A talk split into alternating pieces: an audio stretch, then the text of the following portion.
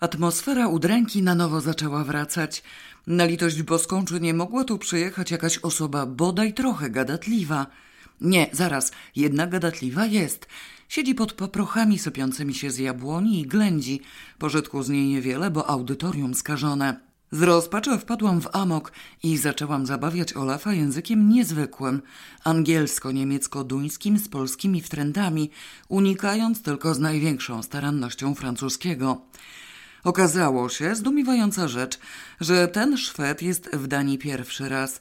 Kraj o miedze, a nieznany.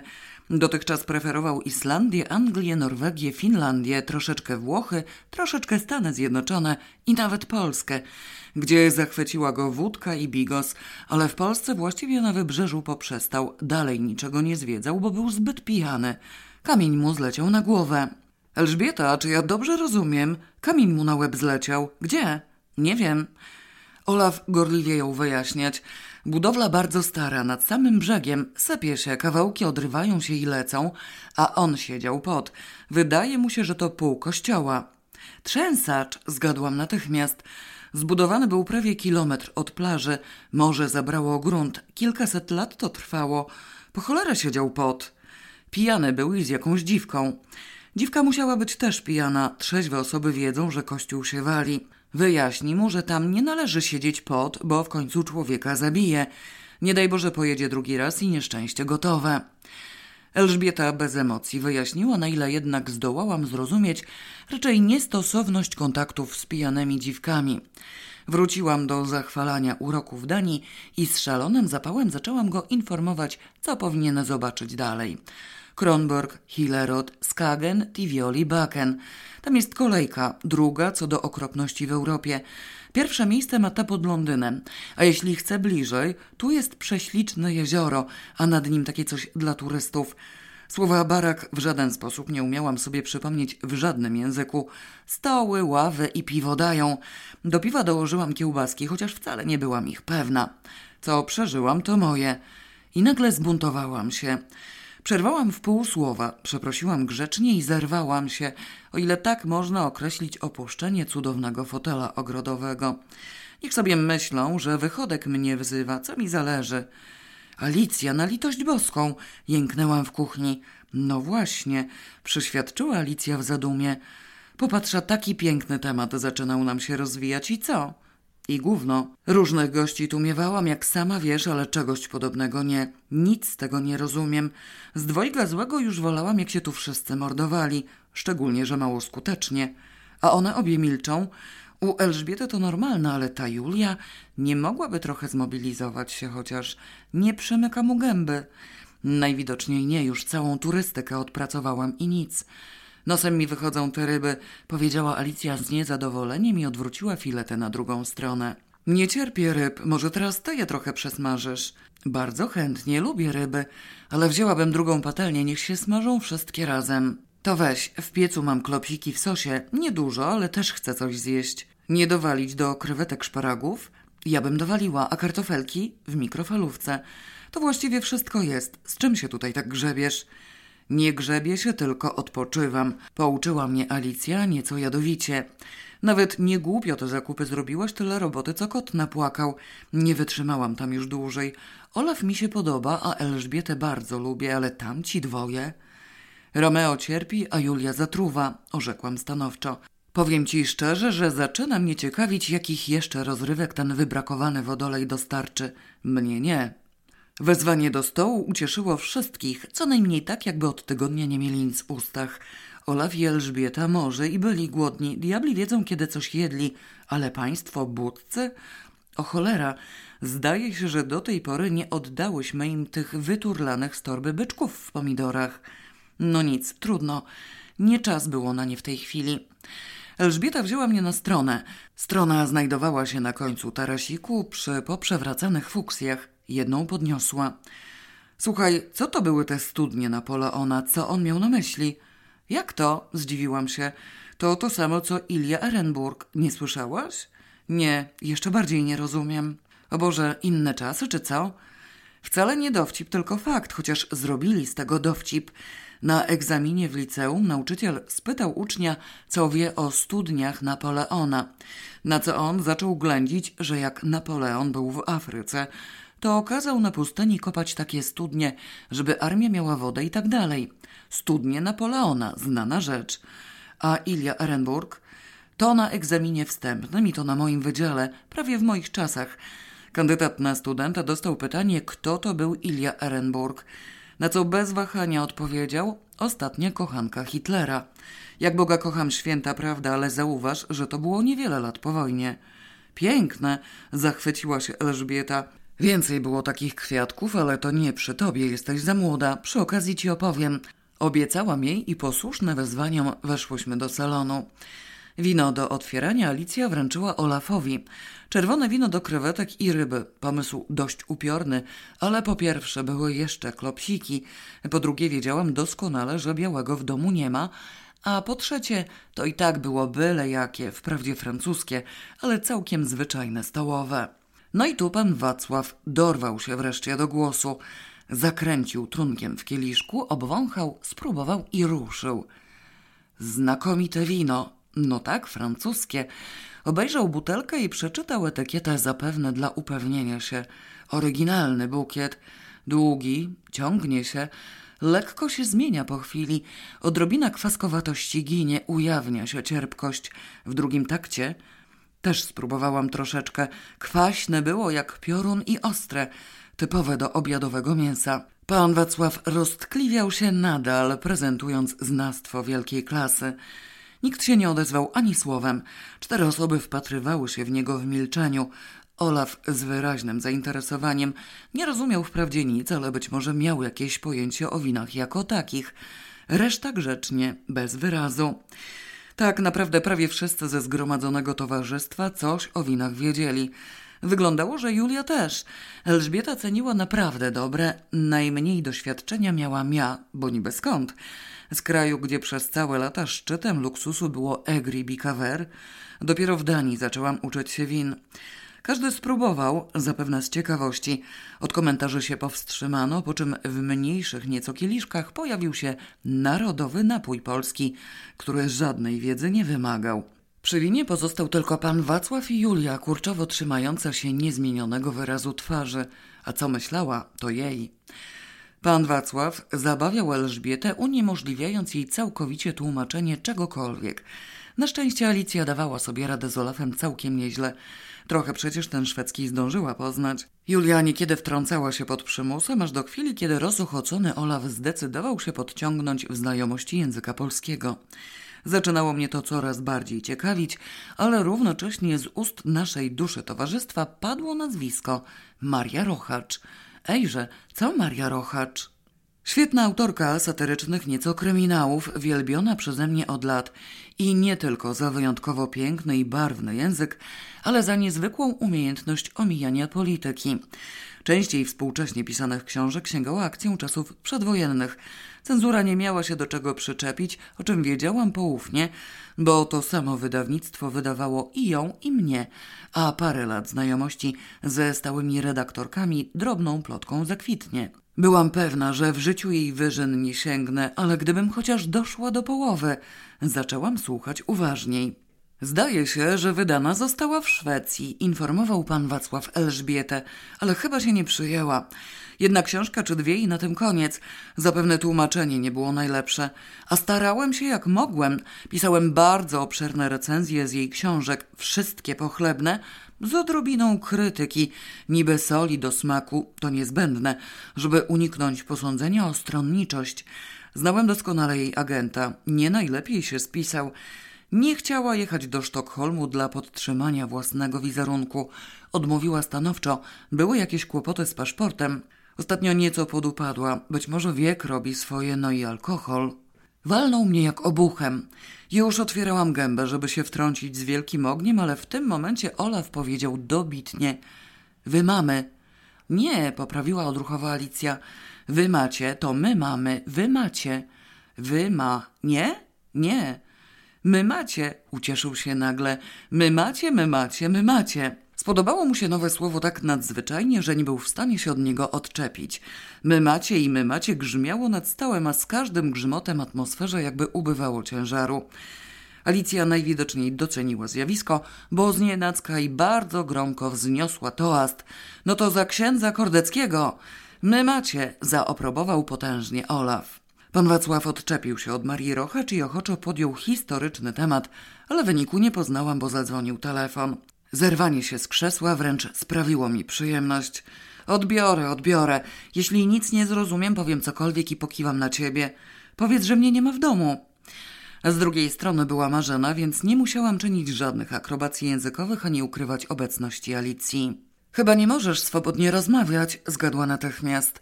No pewnie. Jak to koncert się skończył tak wcześnie? Nie skąd. Dzwonię w antrakcie. Wernera opadły miłośniczki i rozdaje autografy. I co się tam dzieje? Wszystko, zapewniłam ją radośnie. O Boże, jutro przyjadę bardzo rano wschodzie słońca. Popieram całkowicie, miewasz doskonałe pomysły. Czy na Elżbietę też się rzucił? Jeszcze jak, z dodatkami. Jakimi? No nie, rozumiem, nie powiesz mi teraz. Jecie obiad, albo może kolację. Ryby, Olaf lubi ryby. O rany, a Alicja przeciwnie. Ta cała Julia coś mówi? No coś ty. W połowie ja smażyłam, ja lubię. W życiu nie odbyłam równie głupiej rozmowy, spać nie będę mogła z ciekawości. Ciągle siedzą na tyłkach i na krok się nie ruszają. Oczywiście, nawet sobie nie wyobrażam, jakby to wyglądało, gdybym tych gałęzi nie spaliła. A tak przynajmniej można chodzić i jest widok. Rozumiem, że te ozdobniki mają zamącić treść. Nie rozumiem ich wcale, ale co powinnam je zapamiętać? A po cholerę ci to? Nie wiem. Myślisz, że jak przyjadę, on się znów na mnie rzuci? To u niego stałe, czy tylko za pierwszym razem? Pojęcia nie mam, ale złe przeczucia mnie gryzą. Może ja bym się jakoś zakradła, żeby nie wchodzić przez drzwi tak jawnie, przez ogród albo co? O, przez tę dziurę w żywopłocie. Pomyślę nad tym, może uda mi się oczyścić ścieżkę z tych kłujących patyków. Rozumiem, że nie patyki masz na myśli. Cholera, muszę kończyć. Ta małpa dyrygent już buty przeciera. I dobrze rozumiesz, ucałowania dla Wernera. Uderzyłam słuchawkę podtrzymana na duchu z wielką nadzieją, że wybrnęłam z pogawędki bez rażącej kompromitacji. Serdeczne pozdrowienia od Marzeny dla wszystkich. Ogłosiłam powszechnie, przebijając niemal mymanie Olafa. Od Wernera pewnie też, ale zajęty był właśnie czepliwymi panienkami i antrakt im się skończył. Alicja przegoniła towarzystwo do salonu i chyba z rozpaczy przyrządziła na deser Irish Coffee, odżałowawszy whisky. Pan Wacław, porzuciwszy chwilowo twórczość literacką i księdza Kordeckiego, wsiadł na czepliwe panienki, żartobliwie suponując upojenie Wernera objawami namacalnej chwały. Nie spotkał się z życzliwym odbiorem, przeskoczył zatem na dekoracje teatralne, a zaraz potem na stylowe meble. Skąd mu się wzięły meble, pojęcia nie miałam, bo przestałam słuchać. Elżbieta zamilkła radykalnie. Olaf znęcał się nad Julią, domagając się tłumaczenia na angielski. Alicja z litości wyręczała ją chwilami, ale rzadko. Nie wytrzymałam tego dłużej. Na pewno chcesz kawy, powiedziałam do niej z naciskiem. Głupie pytanie, odparła na to. Herbatę też zrobię na wszelki wypadek.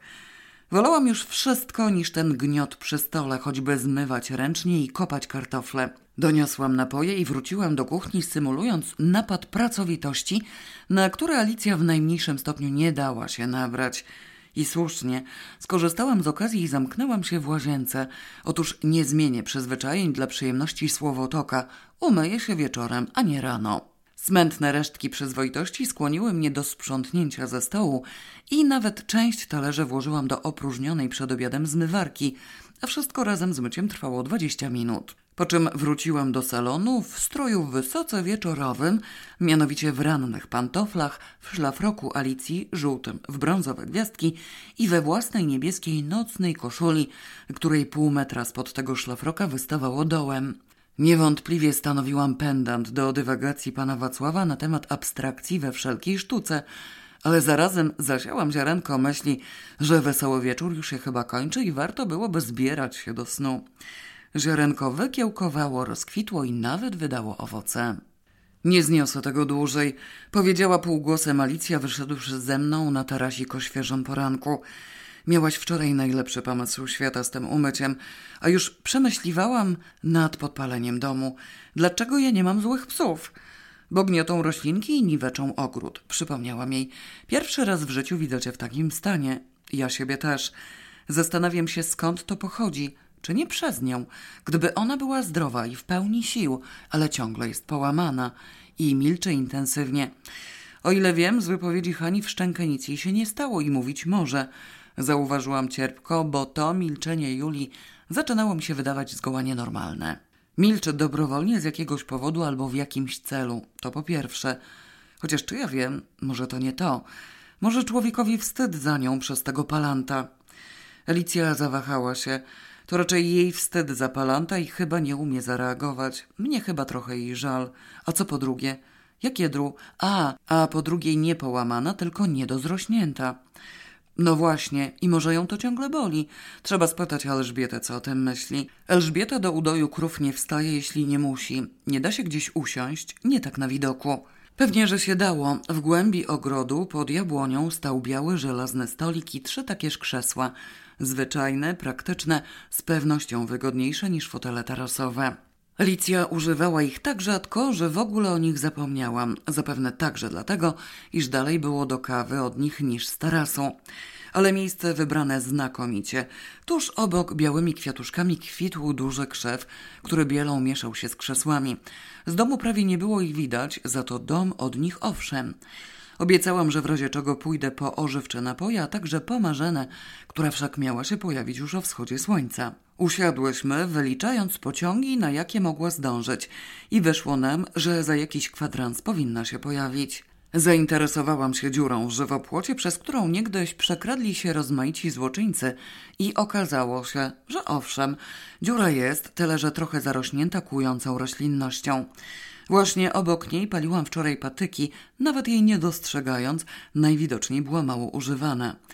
Alicja potwierdziła przypuszczenie. Poszerzyły ją dzieci, które zakradły się tamtędy, żeby kraść śliwki. Obecnie dzieci podrosły, a śliwy w ogóle nie było, została ścięta, ponieważ rosła tak głupio, że wręcz nie istniała osoba, której nie usiłowałaby wydłubać oka. Zgadzało się, mnie też usiłowała, a ile razy zaczaiła się na moje włosy, nie dało się zliczyć. Cholera, zdenerwowałam się. Skoro dziura jest, muszę natychmiast jechać na stację i powiedzieć jej, żeby nie szła tamtędy, tylko tędy. Sieć! Przehamowała mnie Alicja. Tam dookoła rośnie strasznie kolczaste. Marzena nie przyjeżdża w pancerzu. Bez osłony nie przejdzie, to drapie do kości. Do kości? Może poobcinać te kolce sekatorem, w rękawiczkach, ale i tak teraz nie zdążę. No trudno, to już niech będzie tędy, znaczy tamtędy, nie ma tego złego i tak dalej. Alicja nie była w stanie pozbyć się myśli o swoich dziwnych gościach. Zastanawiam się, czy oni kiedykolwiek się ruszą. Przecież nie przyjechali tu po to, żeby z całej Danii obejrzeć mój dom i nic więcej. Nie ruszą się, mam czarne przeczucia. Ruszą, jeśli im ktoś zaproponuje i że ich zawiezie i będzie pokazywał. Sami nie. Dlaczego uważasz, że sami nie? To nie ja uważam, to moja dusza. Ona jest wybrakowana, a on skąpy. I co to ma do rzeczy? Przecież mogą jechać samochodem. Mówię, że skąpy, benzyna kosztuje. Skąd wiesz? Rozumiem, że o skąpstwo pytasz, a nie o benzynę, bo skąd wiem o benzynie, łatwo zgadnąć. Bo zauważ, że nie przywieźli ci ani z Polski, ani z promu najparszywszej flaszki niczego. Przyjechali z pyskiem na żarcie. Niemożliwe, żeby Hania i Zbyszek nie powiedzieli im o różnicy cen, a w końcu sama grzeczność czegoś wymaga. Moi goście nie muszą. Nie udawaj idiotki. Przywozi się drobiażdżek, papierosy, żadne z nich nie pali. Bali się kontroli celnej. O rzeczywiście, płochliwe zajączki. Też się zastanawiałam, co tu zrobić, bo niby jest ich tylko dwoje, a robi to wrażenie, jakby dom był pełen uciążliwych ludzi, z których jedno w dodatku wpędza w rozterkę. Nie widzę nikogo, komu dałoby się ich wtrenić, bo na mnie nie licz, zaparłam się. Może Elżbieta z Olafem pojadą coś oglądać i wezmą ich ze sobą. Optymistka. Poza tym chciałabym z Elżbietą parę słów zamienić, bo coś tu węszę, więc wcale mi się ten pomysł nie podoba. Alicja znalazła w kieszeni połówkę papierosa i zapaliła. Pomacała inne kieszenie, więcej papierosów nie miała. Marzena. Trochę liczę na to, że Marzena coś wymyśli. Albo coś powie, poparłam ją. Idę przed dom popatrzeć, nie mam cierpliwości tak czekać. Sieć na tyłku, przyniosę pomoce naukowe.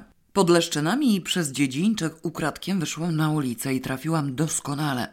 Marzenę ujrzałam przy trzecim sąsiedzie, akurat tam, gdzie przed paroma laty paliła się czerwona lampa. Mignęło mi, czy to przypadkiem nie jest jakiś omen, ale zlekceważyłam mignięcie, a nie należało.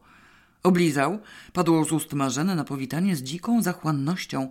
Oblizał, widelec też. No proszę, czekaj, muszę zdobyć zaopatrzenie. Uszczęśliwiona informacją Marzena pomogła mi, zgarnęłam pożądane produkty. Udało nam się przemknąć skrycie do celu. Nikt nas nie widział. Powiadomiłam Alicję z triumfem, lokując na stoliku kawę, piwo, herbatę i papierosy. Ktoś jest w łazience, bo woda leci, a gdzie reszta, to nie wiem. Będę musiała zrobić jakieś śniadanie, westchnęła Alicja z niechęcią. Nigdy takich idiotycznych problemów nie było. Rozzłościła się Marzena, rzucając torbę pod stół i też siadając. Elżbieta niech zrobi, a że później nie szkodzi. Poza tym banany na stole i ser w szufladzie z głodu nie umrą. Mówcie, co tu było wczoraj, bo to szał jakiś i słusznie po tej rozmowie telefonicznej z Joanną prawie spać nie mogłam. Wydarzenia dnia wczorajszego z występem Olafa na czele w pełni wynagrodziły jej bezsenność. Alicja przyznała, że dzwoniła wieczorem do Hani i Zbyszka. Zbyszka nie było, a Hania twardo trzymało się uczuć i błagała o litość dla wybrakowanej Julii. Ona go kocha dziko, cierpi strasznie, bo za wolno się zrasta. Szwy ma na skórze i o tych dzieciach jeszcze nic nie wiadomo i tak się okropnie stara nie być uciążliwa. Dla kogo? warknęła Marzena. Dla niego. Rzeczywiście ogólnie małomówna, a dodatkowo zostawia mu pole do popisu. O Jezu. Nie ośmiela się wykazywać inicjatywy, ciągnęła Alicja złym głosem. Idiotyzm bezdenny i nie do zniesienia, ale jedno muszę jej przyznać, że siedzi spokojnie i nie histeryzuje, więc zgodziłam się jakoś znosić. Zrozumieć nie potrafię i nawet się nie zamierzam wysilać. Ale teraz właśnie tak myślę, że skoro ona inicjatywy nie, to może by tak ktoś inny. Bo ona mówi, i wytknęła mnie palcem, że słowotok mowy nie ma przez skąpstwo. Podpisuje się wszystkimi rękami, poparła mnie Marzena energicznie. Niecierpliwie wskoczyłam z kolejnym problemem, bardziej osobistym. Ale czekaj do diabła ze skąpstwem, bo mnie inne dręczy. Niech chociaż zdążę napocząć, on mi tu zaczął pieprzyć o Marii Rochacz. Maria Rochacz? Zainteresowała się natychmiast Marzena. Ja ją czytałam, to ta od tych książek z taką cudowną satyrą między wierszami. Genialna. A czego od niej chciał? No właśnie, zaczął bździć podejrzanie i smród mi zaleciał. Ale właśnie w tym momencie Olaf wystrzelił z mymacianiem i straciłam wątek. Już są, powiedziała Alicja, siedząca twarzą do domu. Na tarasiku pojawili się państwo budcy w towarzystwie Olafa. Przez chwilę trwałyśmy w milczącym bezruchu. Marzena jęknęła. Rony boskie, myślicie, że będzie się ze mną znowu witał? Było to bardzo prawdopodobne. Istnieją osoby, które witają się maniacko przy każdej okazji. Wchodząc do biurowego pokoju, potrząsają każdą rączką. Wieczorami pocałunkiem żegnają całą rodzinę, jakby wybierała się nie do snu, tylko w daleką podróż. Nie przepuszczą nigdy i nikomu. Tu zaś mieliśmy osobę wyjątkowo skłonną do przesadnie czułych gestów. Obawa, iż osoba zechce korzystać z bezpośrednich kontaktów bez żadnego umiaru, wydawała się w pełni uzasadniona. Jak do licha przeciwdziałać? Gałęzie rozbłysło mi nagle. Marzena, przynajmniej ciebie da się ocalić. Tych stąd nie ściągałam i nie paliłam, bo mi się nie chciało.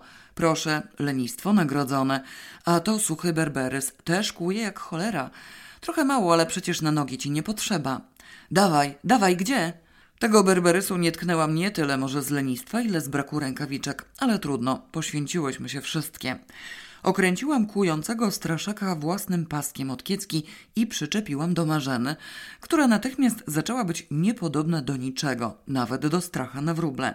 Poruszała się dziwnie wygięta ku tyłowi, usiłując chronić przed podrapaniem przynajmniej twarz, chociaż z litości dołożyłam kilka świeżych gałązek leszczyny. Wolę szramy niż pangolina, wymamrotała spoza tej skromnej imitacji zeriby. Alicja zabrała jej torbę, a papierosy i zapalniczki rozmieściła po kieszeniach, resztę beztrosko zostawiając na stoliku. Cofnęła się jeszcze tylko pod dzbanek do kawy. Nie pamiętam, gdzie jest drugi. A jednak pan Wacław w kierunku wiąchy roślinnej na damskich nogach ruszył, tyle że ruch był krótki, aczkolwiek ostro spontaniczny. Olaf spojrzawszy dostał ataku śmiechu i też ruszył, tyle że zdecydowanie mniejszym szwungiem. Wyjął Alicji torbę Marzeny i dzbanek z rąk. Co powiedział, nie byłam w stanie odgadnąć, ale Alicję rozweselił. Obecna na tarasie Julia zapewne też nie odgadła, bo powiedział to po szwedzku. Po czym natychmiast objawił się nasz kolejny, tym razem prywatny kłopocik. Co mianowicie miałyśmy teraz zrobić z ochronną przyrodą? Gdzie Elżbieta? Nie miałam kogo o to spytać. Alicja zabrała Olafa do ogrodu. Nikogo więcej nie było. Poza wiąchą berberysu i tymi dwoma żywymi elementami na tarasie, których jak Boga kocham, zaczynałam się bać. Wstała już przecież. Gdzie Elżbieta? Nie po raz pierwszy taki rozpaczliwy okrzyk rozlegał się w tym domu. Możliwe, że po prostu spragniona chwili świętego spokoju poszła myć głowę. Mogłabym wejść do wychodka i zapukać do niej, ale opamiętałam się. Myślmy logicznie. Ona też nie będzie wiedziała, gdzie rozdziać marzenę z warstwy ochronnej. To już uczciwie mówiąc, najprędzej ja zdążę to jeszcze spalić przed jutrem. Zdążę. Trudno, suche jak pieprz i niedużo. Męska decyzja to męska decyzja. Paliło się 11 minut. Odzyskałam pasek od sukienki. Marzena okazała się podrapana ledwo odrobinę, a jedyne osoby, które dostrzegły nasze poczynania, to byli Alicja i Olaf. Przeszli jak już dogasało. No tak, rzekła Alicja z powątpiewaniem, ale czy on teraz czym prędzej nie skorzysta, żeby odpracować poranne czułości? Na nas, zdaje się, nie miał szans, bo nas zmyło, a Elżbieta spała. Nie budził jej chyba pocałunkiem. Do mnie ruszył, mruknęłam, ale zdążyłam się wywinąć, bo ciebie wybrał na pierwszy ogień. I źle trafił, bo ode mnie odgrodził go Olaf, więc mu też uciekłam. Czy już resztę życia będziemy miały zatrutą? A gówno, wdarła się Marzena i pomachała nam przed nosem niedużą, ale wściekle drapiącą gałązką. Specjalnie zostawiłam sobie kawałek i będę go traktować jak chorągiewkę, przyczepię kokardki. Alicja, masz chyba jakieś tekstylne śmietki, kolor obojętny. Może mi wypaść flaga Konga albo co i będę machała uporczywie. Olaf patrzył na nas tak, że należało mu to wszystko przetłumaczyć, czego obie dokonały wspólnymi siłami wracając do domu. Zmienił już repertuar, odczepił się od mymacia i przerzucił na czynności kontrastowe. Jedzą i jadą. Jadli i jadzali śniadanie. Śniadanie wychodziło mu nie najlepiej. Zbliżało się zmiennie do sadzenia, sadania i sań. Zrezygnował z niego chwilowo i poprzestał na porannym posiłku bez nazwy. Przy okazji jadą problem wypchnięcia dokądkolwiek państwa łódzkich pojawił się na nowo także w obcym języku i aż do wejścia na taras nie został rozwiązany. Za to znalazła się Elżbieta i od razu rzekła do mnie – ty masz jakieś chody w tym sklepie na Kajerodgadę, czy tam na Kajerodwej. Wszystko jedno. A nie, stanowczo Kajerodwej, a ja potrzebuję protekcji. Jedźmy tam od razu, nie masz chyba nic przeciwko temu. Oni tu sobie dadzą radę i bez nas. Marzena też mi się przyda. Rzadko zdarzyło mi się w życiu zdziwić równie potężnie. Sklep wcale nie jest na Kajerodwej, tylko właśnie przy Kajerodgadę. Był sklepem wprost przecudownym. Zawierał w sobie istny skarbiec narzędzi szlifierskich, polerskich, tnących, ogrodniczych, medycznych, rybackich, rzeźbiarskich i Bóg raczy wiedzieć jakich jeszcze. Wszystko to najwyższej klasy, przeważnie z najrozmaitszych metali, chociaż i drewno się przytrafiało. I byłam święcie przekonana, że nie ma na świecie przyrządu, którego tam by się nie znalazło. Zważywszy, iż moja wiedza techniczna oscylowała w czołówce idiotyzmu, a ogólnego zachwytu nie kryłam, sprzedawca zapamiętał mnie chyba na zawsze i niekiedy pytał nawet Alicję o oryginalną klientkę. Jeśli to miało się nazwać chodami i stwarzało pole do protekcji, proszę bardzo. Mniej zdziwiło mnie zainteresowanie Elżbiety sklepem, w którym dostępne były także narzędzia chirurgiczne, niż domaganie się obecności Marzeny. Na plaster jej do tych narzędzi Marzena. Samochodem zażądała zwięźle, znalazłszy się już na ulicy. Marzena nie odezwała się ani słowem, tylko wyszła razem z nami oraz suchym kolczastym badelem, który pieczołowicie ukryła w żywopłocie zaraz za furtką. Szczęśliwie nikt z nich mnie nie zostawił. Wyjechałam bez przeszkód i ruszyłam we właściwym kierunku. Elżbieta wypchnęła Marzenę do tyłu i usiadła obok mnie. Mam gdzieś ten sklep. Powiadomiła nas, zanim zdążyłam dojechać do placyku przed kupcem i skręcić w Kieretgadę. Jedź do autostrady i skręć do centrum. Wstąpimy gdziekolwiek na kawę albo na piwo. Muszę z wami pogadać, bo jestem dziko wściekła i może mnie szlak trafić. I mnie, i Marzenę zamurowało doszczętnie, bo powiedziała to najdoskonalej spokojnym głosem, bez cienia najmniejszej emocji. Przy czym wszystkiego można się było po niej spodziewać, tylko nie wyznania takiej treści. Znałam ją od dziewczynki w wieku szkolnym i nie było wypadku, żeby Elżbieta czymkolwiek się przejęła. Trupy mogły padać wokół niej i bomby lecieć na głowy. Nie szkodzi, nie mrugnęłaby okiem. Nie pomogłaby nawet tych trupów zbierać, uznawszy, że i tak nic im to nie pomoże. A porządek na ulicy zwłoki mają głęboko w nosie. Jeśli jeszcze trochę żywi, a to tak, ale skoro już przepadło. Wybrałyśmy kawiarnię w centrum, na końcu głównej ulicy, blisko Bruksena, najdroższego marketu w Birkeret, z wielką nadzieją, że nikt nas tam nie znajdzie. Chociaż szkoda, że Alicja też nie usłyszy, powiedziała Elżbieta siadając, ale liczę na to, że jej powtórzycie. Wyjątkowa świnia zagnieździła się w jej domu. Może ta omal nie usiadła obok krzesła. Zaczekaj chwilę, niech przyjdę do siebie, bo jeszcze ciągle jestem oszołomiona. Spodziewałam się atrakcji, ale tempo mnie przerasta. Czy to, co chcesz powiedzieć, ma jakiś początek? Elżbieta westchnęła ciężko, pomilczała trochę i zabrała siłę. Ma, owszem. Tak się składa, że niejaka Maria Rochacz jest ciotką mojej bliskiej koleżanki, właściwie przyjaciółki, jeszcze ze szkoły podstawowej. Nawet poznałam ją wtedy osobiście, podobała mi się. Po czym zamilkła. Nie dziwiło mnie to. Długich przemówień nigdy nie lubiła wygłaszać. Wiadomo było, że tyle powie, ile musi. Kelnerka dostarczyła nam oba rodzaje napojów, kawę i piwo. No tak, Maria Rochacz, dręcząca mnie od wczoraj, rzeczywiście. Od trzech lat nie było jej żadnej nowej książki. Co ten znawca literatury wygadywał? Niechże wreszcie coś rozwikłam. Możesz teraz powiedzieć kawałek dalszego ciągu, przyzwoliłam Elżbiecie. Musi skąpić wypowiedzi, trudno, nie szkodzi, niech będzie po kawałku. Marzena na wszelki wypadek milczała, kiwnęła tylko głową kilka razy i bardzo gwałtownie. Niedawno byłam w Polsce i widziałam się z Magdą, też była wściekła. Te cudowne recenzje padalca to najobrzydliwsze paszkwile, jakie można sobie wyobrazić. Obliczone na poziom umysłowy y, tej siły rządzącej. Zeszmacił ją i zrobił z niej wrogę ustroju. Wydawnictwo wstrzymało się z przyjęciem do druku. Ty rozumiesz, co to znaczy? O tak, rozumiałam doskonale. Przecież ona jest apolityczna, zdumiała się Marzena. No jest. To jak? On jest perfidnym kretynem w kratkę, umie czytać między wierszami. Co u niej subtelne, to u niego wydłubane starannie i wyłupane młotem. A w Szwecji pierwsza książka poszła doskonale, a druga... Szkoda, że nie umiecie czytać po szwedzku. Drugą tłumacz spieprzył radykalnie. Dlaczego? Inny tłumacz, układy. A pan Golin to wykorzystał radośnie, z hukiem. Przez chwilę milczałyśmy, opanowując uczucia. Nauczę się czytać po szwedzku, zapowiedziała Marzena z zaciętością. Ta twoja Magda, zwróciłam się do Elżbiety. Ja niedługo wracam, daj mi jej telefon albo co. Skąd mu się wzięła nagonka na Marię Rochacz? Strasznie dużo tego gadania, westchnęła Elżbieta. Magda mówi, że przez zemstę. Za co? Chyba chciał być jej agentem, a ona mu odmówiła. A, to dlatego przejechał się i po agencie i z zawiści. Tu mnie nieco zdziwiła. Dlaczego? Co on ma do niej i odwrotnie? Przecież sam nie uprawia takiej zwyczajnej, byle jakiej literatury, tylko szaleje w obłokach poetyckich. Sam się przyznał. I co mu do tłumacza? Przecież go nie zastąpi. Ale ona więcej zarabiała i jest znana, a on nie.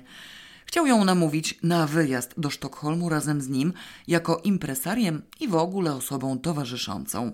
Nie zrozumiałam, co słyszę. Na litość boską, Maria Rochacz mogła jechać do Szwecji, kiedy jej się podobało, za własne legalne pieniądze. Miała tam przecież honoraria, nawet zaproszenie nie było wymagane. To jak ja mogłam jechać do Czechosłowacji, do NRD, nawet do Związku Radzieckiego. Znała angielski, niemiecki również. Na jaką grypę azjatycką był jej potrzebny impresario? Elżbieta, powiedz to bardziej szczegółowo, poprosiłam żałośnie. Niechby już kawałkami, ale detaliczniej. Pieniądze, zgadła jadowicie Marzena. Elżbieta westchnęła ponownie, tym razem z uznaniem i wdzięcznością. No pewnie, wmawiał jej, że tam ją strasznie zapraszają. Pół Szwecji na nią czeka i za wszystko płacą. Wcale nie chciała jechać, jej szkodzi górski klimat, a Szwecja górzesta. Na szczęście dość szybko się okazało, ktoś stamtąd przyjechał, znajomy Magdy, że gówno prawda. Tamci byli zniesmaczeni, bo dowiedzieli się, że ona się strasznie pcha i żąda zaproszenia z osobą towarzyszącą i to za ich pieniądze. Magda mi to wszystko wyrypała, bo o mało jej szlak nie trafił. Od tego wodoleja się dowiedzieli, w jakim języku. Przez Ministerstwo Kultury i szwedzką ambasadę ktoś tam z kimś miał sitwę, a wodolej tkwił w środku, okopany i nie ją jedną tak załatwił, a w dodatku swoim zwyczajem rzucał się na nią, chwytał w objęcia i całował publicznie. Temat się rozrastał wstrząsająco. Zdenerwowała mnie myśl, że z Elżbiety nic więcej nie wydoimy. Już i tak zdobyła się na potężny wysiłek oratorski. Musiała ją ta sprawa nieźle dziabnąć, skoro aż tyle powiedziała. Kogo jeszcze? spytała Marzena, która znała Elżbietę krócej i mogła mieć nadzieję na obfity ciąg dalszy. Elżbieta wzruszyła ramionami. O wszystkich nie wiem, Magda wie więcej, ale ona też nie siedzi w zawodzie. Reszta to już tylko podobno. O, Stefan wie jeszcze więcej. Powinien dzisiaj przyjechać. To on mi powiedział, że ten cały Bucki łże na każdym kroku i tak strasznie chce być ważny, że o mało nie pęknie. Alicję też obszczeka. Na litość boską przecież Alicja nic nie pisze, ma pióro wstręt, ale jest barwną postacią, na której można sobie poużywać, czyż nie? Marzenę zatchnęło, mnie przeciwnie. Poczułam w sobie materiał wybuchowy. No niech tylko spróbuję. O, specjalnie mu oddam te byczki w pomidorach publicznie, przy wszystkich i grzecznie zapytam, czy miał obawę, że Alicja głodzi swoich gości, czy też miał to być prezent. Każde świństwo powiem, jakie mi tylko przyjdzie do głowy, a potem jeszcze to opiszę. O Danię też zapytam, czy zamierza później rozgłaszać, jak to zwiedzał cały kraj i jak szedł w bliskie stosunki ze Szwedami. Elżbieta, jeśli już cokolwiek interesowało, to raczej sprawy międzyludzkie. Wszelkie dolegliwości cielesne dotyczyły ludzi, a ona nie zdążyła jeszcze przejść profesjonalnie na same przypadki chorobowe. Przypadki, jak dla niej, chodziły po ludziach. Obejrzała się na kelnerkę, zastanowiła i zadysponowała po jeszcze jednym piwie. Małe te butelki. Mnie tak trochę intryguje coś innego. Z tego, co słyszałam, ona go kocha. Myślicie, że naprawdę kocha go aż tak szaleńczo? Julia? No a kto? Przecież nie Maria Rochacz. Musi go kochać nieziemsko szaleńczo, skoro wytrzymuje to wszystko, orzekła Marzena stanowczo. Ja bym nie wytrzymała. Gdyby Werner robił z siebie takiego idiota, słowo daje, że też go kocham i wcale tego nie zamierzam ukrywać. Co do Wernera nikt się nie dziwi, jest pełen zalet. Aż się przelewa, zostaw trochę miejsca na wady, ale one są na dnie, nie bulgocze nimi pod samą przykrywką, a ten pan Golin wręcz kipi szumowinami. Elżbieta w zadumie wpatrywała się w rzeźbę na placeku, źle widoczną za drzewkami, kioskiem z parówkami, wózkami sklepowymi i ławkami dla ludzi. Rzeźba przedstawiała grupę trzech dam wstrząsającej postury, pozbawionych odzieży i przyszło mi na myśl, że należałoby ją zarekomendować wielbicielowi płci pięknej, panu Buckiemu. Ciekawe, ale mnie się nie chce. No, pogoniła mnie cierpliwie. Co ci się nie chce? Niegramatycznie, ale nie szkodzi. I co ciekawe, jak oni rozmawiają, kiedy są sami i nikt ich nie słyszy? On rozkwita, a ona dyszy uwielbieniem? Przypomniałam sobie długopisy. Co do sami razem nie mam pojęcia, ale co do rozdzieleni wiem połowicznie. Ona nawet mówi sama z siebie i ma coś w głowie, ale on to... Spytam Alicję. We dwoje przeszukiwali dżunglę. Wedle jego reakcji Alicja wydawała z siebie dzikie wrzaski i czyniła cyrkowe podskoki. Zwariował. Zaopiniowała Elżbieta z niesmakiem. Ale może ta Julia go zobaczy? Jeśli nawet, to chyba raczej mało skutecznie. Oporny, opancerzony, są takie charaktery. Ale goście, prychnęła gniewnie Marzena. Jeszcze tylko Marianka brakuje. Wypluj to słowo trzy razy przez lewe ramię i odpukaj w złą godzinę. W zeszłym roku się na niego nadziałam. Łaska boska, że krótko, bo przyjechał jak już prawie odjeżdżałam, ale też mi wystarczyło. Nie znam Marianka, powiedziała Elżbieta obojętnie. Kto to jest? Jeden młody, odparłyśmy z Marzeną równocześnie i potem nam się zróżnicowało. Zderzyli się ze sobą debil i kretyn. Zostawiłam Marzenie głos. Boże, jak on żre! Nie dojda, tylko nie do żarcia. Rozumiem, że młody, ma dwadzieścia lat, ale za całą tu czarnie trzody chlewnej obstanie. Ma tu siostrę i szwagra, szwagier Duńczyk, ale siostra nie głupia. Przegania braciszka miotłą, żeby sobie robotę znalazł, a on do roboty jak krowa do tańca. Od Alicji domaga się dostarczenia mu pracy i solidnej zapłaty.